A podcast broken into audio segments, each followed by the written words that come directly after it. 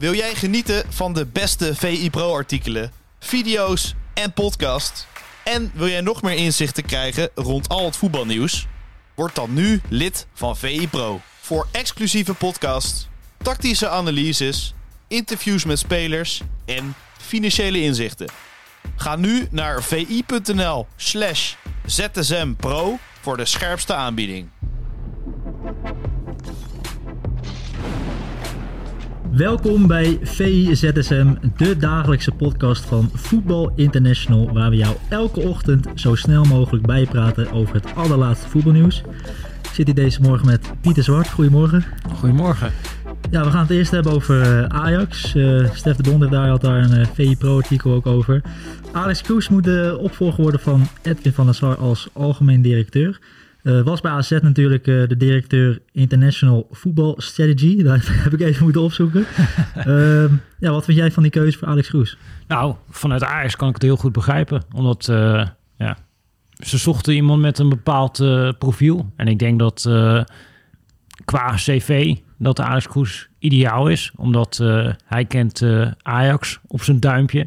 En ook uh, ja, die hele slangenkel die daarachter zit uh, met uh, de vereniging en alles wat daar gebeurt. Omdat ja, hij is uit de opleiding niet doorgebroken. Toen bij de Ajax amateurs beland. En ja, bij Ajax is de rare situatie dat Ajax is een beursgenoteerd bedrijf. Maar de amateurvereniging die heeft eigenlijk alle aandelen. Of in ieder geval de meerderheid van de aandelen. En ja, die gaan dus ook uiteindelijk ja, over nou ja, benoemingen en dergelijke. Uh, en dus ja, dat, dat gedeelte van de club, ja, dat kent hij heel erg goed. Uh, en daar weet hij precies ook hoe de hazen lopen. Ik denk dat dat een enorm voordeel is uh, bij Ajax. Hij weet ook ja, dat bij Ajax de jeugdopleiding belangrijk is, hoe die cultuur werkt, et cetera, et cetera. Maar het is ook iemand, dus het is niet ja, een ex-voetballer die zijn handschoenen of voetbalschoenen uittrekt uh, en denkt nu ben ik directeur. Maar het is iemand die jarenlang ook directeur geweest is. Eerst van een makelaarskantoor, daarna natuurlijk van Go Eagles uh, en in de laatste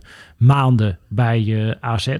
dus het is ja wel iemand denk ik met een heel compleet profiel. eigenlijk ja, het profiel wat je hoopt te vinden denk ik bij een algemeen directeur in de voetballerij. Dat iemand en het voetbalspelletje en de voetbalwereld begrijpt, uh, maar ook zakelijk kan denken. Uh, en ook een idee van ja, hoe zet je een structuur op binnen een organisatie, dat soort dingen. Dus ik denk dat uh, ja, wat dat betreft Kroes, en dat bleek ook wel uit het profiel wat uh, Stef de Bond van hem gemaakt heeft op VI Pro, ja, dat dat heel goed past bij wat Ajax op dit moment in de directie nodig heeft. Ja, het, wel het Ajax-DNA dat bezit hij wel hè? Ja, dat denk ik ja, wel, ja. ja. ja. dit is gewoon letterlijk iemand die vanaf ja, acht, negenjarige leeftijd bij die club rondloopt en altijd rond is uh, blijven lopen. Dus ja, die, die kent uh, ja, iedereen bij uh, Ajax. ja, de, de verzorger van de onder 13 hoeft hij zich niet meer aan voor te stellen. Ja, AZ was wel een beetje verrast. Hè? Die was not amused. Dan wel weer te begrijpen, zit een beetje twee kanten aan. Dus aan de ene kant, het is natuurlijk ook wel duidelijk dat voor Kroes... ja, dat dit en een jongensdroom is. Want ja, dit, dit is iemand die het uiteindelijk net niet gehaald heeft bij Ajax om door te breken vanuit die opleiding. Maar het is wel echt Ajax ziet. Uh, ja, en dan is je droom, oké, het lukt dan niet als speler. Nou, dan is misschien eerst een droom van als trainer. Maar hij studeerde al toen hij al bij Ajax in de jeugd speelde. Uh, meer de zakelijke richting uh, ook op. Ja, en dan is je droom natuurlijk directeur worden bij Ajax. En als je dan die kans krijgt, ja, dan grijp je die met beide handen aan. Ja, dat gaat hij doen. En ja, van een ja, wat meer nou ja, een, een functie in de directie bij AZ, ja, waar je zeker niet eindverantwoordelijk bent, naar eindverantwoordelijk bij Ajax, wat ook nog een ja, grotere club is, grotere omzet, et cetera, et cetera. Het is duidelijk dat voor hem een positieverbetering is. Maar ik snap ook dat AZ het gevoel heeft van ja, hallo. Want als je gaat kijken wat hij deed bij AZ. Uh, ja, hij was dus uh, inderdaad directeur international voetbalstelling. Ja, dat, dat, dat klinkt uh, heel interessant. Maar waar het er eigenlijk op neerkwam, is dat AZ heeft natuurlijk uh, een bepaalde visie op voetbal, zowel qua speelwijze als qua opleiden van jeugd, als qua hoe kunnen we data gebruiken om... Uh... het on bordje vliegt naar beneden. Maar goed, we gaan gewoon stoïcijns door. We gaan stoïcijns door. We zijn niet meer on air. Maar ja, en een visie zeg maar uh, op uh, aankoopbeleid en hoe je data daarin betrekt. Hoe je scouts op een moderne manier inzet. Ja, en dat is bij AZ gewoon natuurlijk op een hele goede manier georganiseerd. En waar hij mee bezig was, was dat eigenlijk internationaal te vermarkten. De bedrijfsgeheimen van AZ. Ja, en als zo'n man dan na een paar maanden uh, overstapt naar Ajax. Ja, je kunt van alles kun je tegen hem zeggen. Je mag die bedrijfsgeheimen niet meenemen. Maar ja, hij heeft alles gezien en dat gaat hij niet vergeten. Uh, dus ja, tuurlijk ben je daar uh, als AZ niet blij mee. Helemaal als er ook nog ja, afspraken zijn gemaakt uh, ja, tussen de topclubs onderling. Dat je ja, niet elkaars spelers, niet elkaars trainers, niet elkaars directeuren gaat benaderen. Ja, dus dat alles bij elkaar. Ja, snap ik heel goed dat AZ heel erg ziek is van wat uh, hier uh, gebeurt. Uh, ja, en tegelijkertijd, ja, is natuurlijk ook ja, hoe de voetbalwereld werkt. en dat is ja, voor een directeur niet anders dan voor een speler. Als je ergens op een gegeven moment ja, meer kan verdienen in een belangrijkere functie bij een grotere club, ja, dan ga je dat gewoon doen.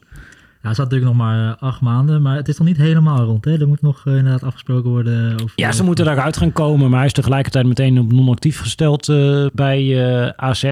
Dus ja, je weet ook dat je iemand niet tegen zijn zin in daar kan houden. Dus ja, het zal uiteindelijk wel goed gaan komen, maar daar moet nog wel inderdaad tussen die clubs moeten wat gebeuren om die deal rond te maken. Alex Kroes, dat kan wel eens de duurste directeur in de clubgeschiedenis worden.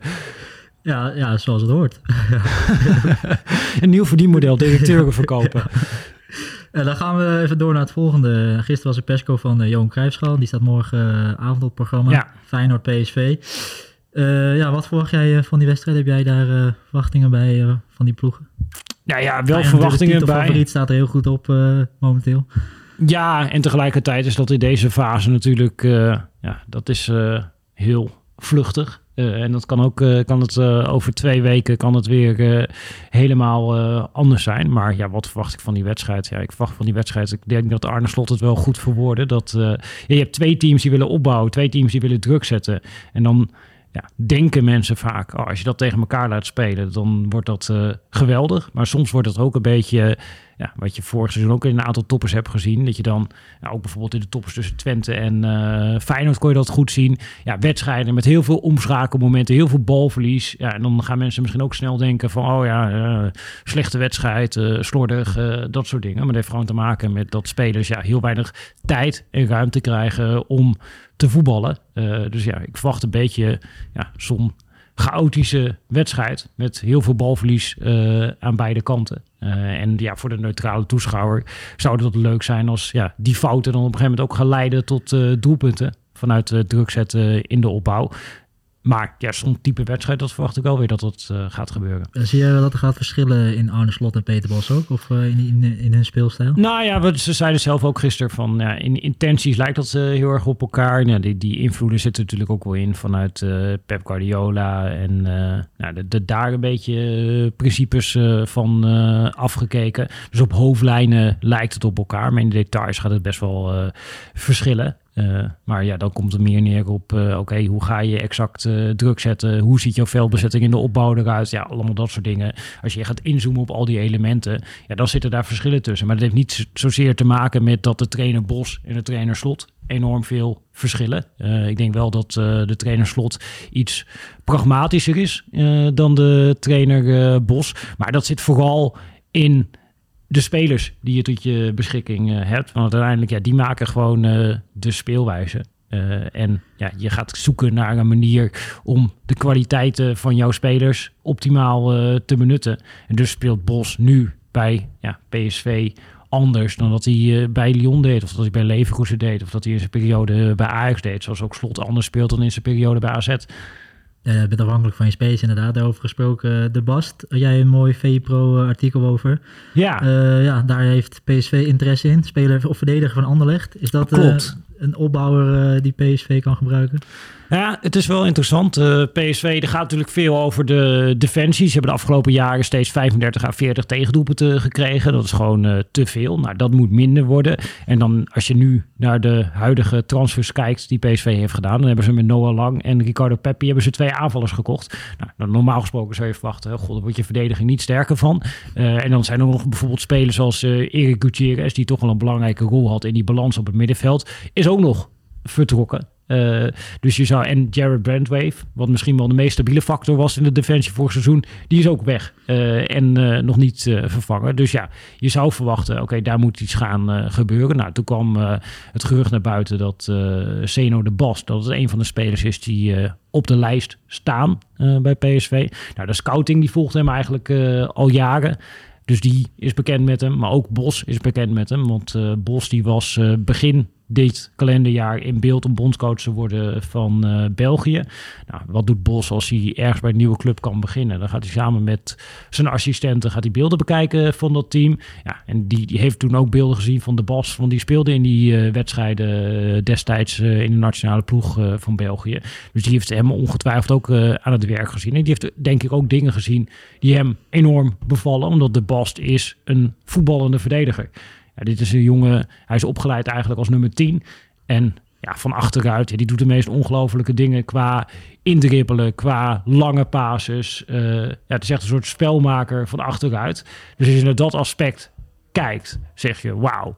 Ja, dat is een fantastische speler uh, als PSV die erbij kan halen. En tegelijkertijd ja, ga je ook kijken en je spreekt ook met mensen die met hem gewerkt hebben. En die, die komen eigenlijk allemaal met hetzelfde ding terug. Ja, hij kan niet zo goed verdedigen.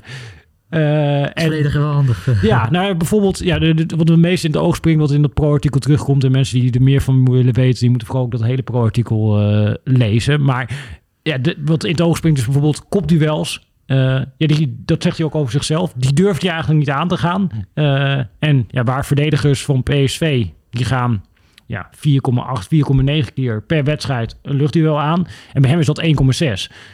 Terwijl hij staat naast Jan Vertongen en die gaat ook 4,8 keer luchtduel uh, aan. Uh, en als je dan bijvoorbeeld de twee wedstrijden gaat bekijken die hij in de nationale ploeg van België heeft gespeeld. Ja, dan krijgt België gewoon in allebei de wedstrijden een tegendoelpunt omdat hij een luchtduel in de 16 uh, eh, verliest. Ja, dat soort dingen, dat is natuurlijk niet handig. en dan is een beetje de vraag voor PSV, goh, hoe kijk je nou naar zo'n spelen? Denk je, oké, hij is 19 jaar, dit kan hij allemaal al. Dat verdedigen kunnen we hem nog aanleren. Nou, dan is hij een transfersom waard. Uh, ja, of ga je kijken naar de dingen die hij niet kan. Uh, en denk je, ja, misschien hebben we toch naast Boskakli, wat ook meer voetballende verdediger is, ja, hebben we toch meer echt een verdediger-verdediger nodig. Uh, en ja, wat dat betreft is natuurlijk de Vincent Sanchez, die ook genoemd is als een van de opties. Ja, dat is een heel ander type. Uh, maar dan zet je meer een verdediger naast uh, Boskakli. Dus dat is waar uh, ja, PSV zich over moet gaan buigen. Welke keuze ga je daarin maken? Ik ben heel benieuwd wat PSV gaat doen en welke verdediger er gaat komen. Bij Feyenoord is wel zeker dat de Japan Ueda definitief kan morgen nog niet spelen. Maar ja, die is, die is zeker dat die, ja, gaat komen. medische keuring doorstaan gaat voor vijf jaar tekenen, melden Martijn Krabbedam. Uh, Slot wilde het uh, nog niet uh, bevestigen, maar er zit nog een werkvergunning dingetje aan. dus dat moet nog even geregeld worden. En daarom kan die ja, nog niet debuteren tegen PSV. Maar die gaat wel op zeer korte termijn ja, in een Feyenoord shirt te zien zijn. Dus dat is wel weer iets om ja, nieuwsgierig naar te zijn. Ja, heel benieuwd. dan vanavond, Conference League voorronde. Ja. FC Twente gaat uitspelen in Zweden tegen Hammarby om 8 uur. ja, gaat Twente het redden? Staan 1-0 voor? Ja, ik denk dat Twente het gaat redden. Maar ik denk dat het wel een vervelende wedstrijd uh, gaat worden. Ja, dit is, het is een club die speelt uh, op kunstgras. En fanatieke aanhang uh, erachter. Dat hebben we natuurlijk ook in Enschede al gezien. ze zullen het heel fysiek proberen te maken. Het is ook een ploeg die gewoon ja, goed georganiseerd is. En technisch hebben ze zeker mindere spelers dan dat Twente dat heeft. Maar die gaan gewoon proberen daar één groot gevecht van te maken. En ja, qua voetbal kunnen ze niet winnen van Twente. Maar als ze er een vechtwedstrijd van kunnen maken, en dan kunnen ze Twente heel erg lastig maken. Dus ja, dat zal ook denk ik uh, de opdracht zijn die Jozef Oosting aan zijn ploeg heeft. Uh, ja, bal op de grond houden, balbezit uh, houden. en dan kun je Hammerby eventueel relatief eenvoudig uh, verslaan. Maar als je in zo'n wedstrijd terechtkomt waar de bal heel veel in de lucht is, ja, dan uh, ga je een hele vervelende wedstrijd tegemoet uh, tegen dit Hammarby. Ja, nou, 1-0 uit, of in ieder geval thuis waren ze wel redelijk sterk met veel kansen ook. Maar die 1-0, dat is inderdaad leuk altijd. Ja, als je inderdaad net nog even een goaltje erbij had gemaakt, dan ga je nu lekker die wedstrijd in. En nu zit je toch, ja, denk ik, billenknijpend op de bank als uh, Twente supporter. Dus uh, ja, het zou wel lekker zijn als ze gewoon doorgaan uh, Twente. Want dan hou je een extra kandidaat binnen om die coëfficiëntenpuntjes ja, binnen te halen. de Polonaise straks. En dat is toch wel belangrijk. En ja, als Twente ja, bijvoorbeeld de groepsfase zou halen, ja, dat kan heel belangrijk zijn in ja, die jacht op Frankrijk. en dan rond zo Nederland omhoog kunnen kijken. Dus ja, qua coëfficiënten is dit nu al een cruciale wedstrijd eigenlijk voor het Nederlandse voetbal. Nou, we gaan het uh, zien vanavond. Dan wil ik afsluiten met uh, ja, toch een legendarische keeper. Gianluigi Buffon, 45 jaar. Heeft een uh, punt gezet achter zijn 28-jarige voetbalcarrière. ja, dat was toch een fantastische keeper. Ja, waanzinnig icoon. En ja, we kunnen hem natuurlijk ook allemaal nog wel herinneren uit uh, ja, zijn jonge jaren. Een hele stijlvolle keeper. Uh, heeft ooit nog bij uh, Juventus de concurrentieslag gewonnen van Edwin van der Sar. Natuurlijk ook jarenlang in de Italiaanse nationale ploeg. Ja, dit is een ja, sieraad, denk ik, voor de sport, deze keeper. En ook een echte liefhebber. Anders ga je niet zo lang door als dat hij door is gegaan. Dus ja, dat is altijd jammer als zo iemand afzwaait. Tegelijkertijd, ja, 45. Dan wordt er misschien op een gegeven moment ook wel een keertje tijd, toch? Zeker. Ja, ik had er 975 wedstrijden, 175 interlands. Ja, geweldig. Ja, dat is uh, ja, een uh, icoon van het uh, Italiaanse voetbal. En ook als je zijn cv in eerlijst bekijkt, ja, daar ontbreekt heel erg weinig aan. Dus ja, absolute topkeeper geweest. En nou ja, hij uh, gaat wat dat betreft uh, gemist worden, denk ik. Ja, over absolute topkeeper gesproken, wie vind jij eigenlijk nu uh, de absolute topkeeper momenteel? Ja, dat is een goede vraag. Ik zou denk ik, als je het hele pakket pakt, dan zit ik denk ik toch op Alison Becker van Liverpool omdat hij zelfs voor seizoen, toen Liverpool natuurlijk niet goed presteerde, dat je ziet dat hij als keeper ja, gewoon alsnog een heleboel doelpunten verhindert. Maar hij kan ook nog heel erg goed meevoetballen. Wat natuurlijk ook steeds belangrijker wordt. Uh, het is ja, bewezen dat uh, de acties die keepers doen, daarvan is ongeveer tegenwoordig uh, 75 à 80 procent is meevoetballen. Dus ja, dat wordt gewoon steeds belangrijker. En dat kan hij heel goed. Maar het is ook nog een hele goede keeper. Dus ja, als ik het nummer 1 zou noemen, dan zou hij het zijn. Omdat hij denk ik ja, het meest compleet is als keeper. Mooi. Mag ik jou bedanken voor deze ZSM? Zeker. En tot ZSM. Ja, tot ZSM.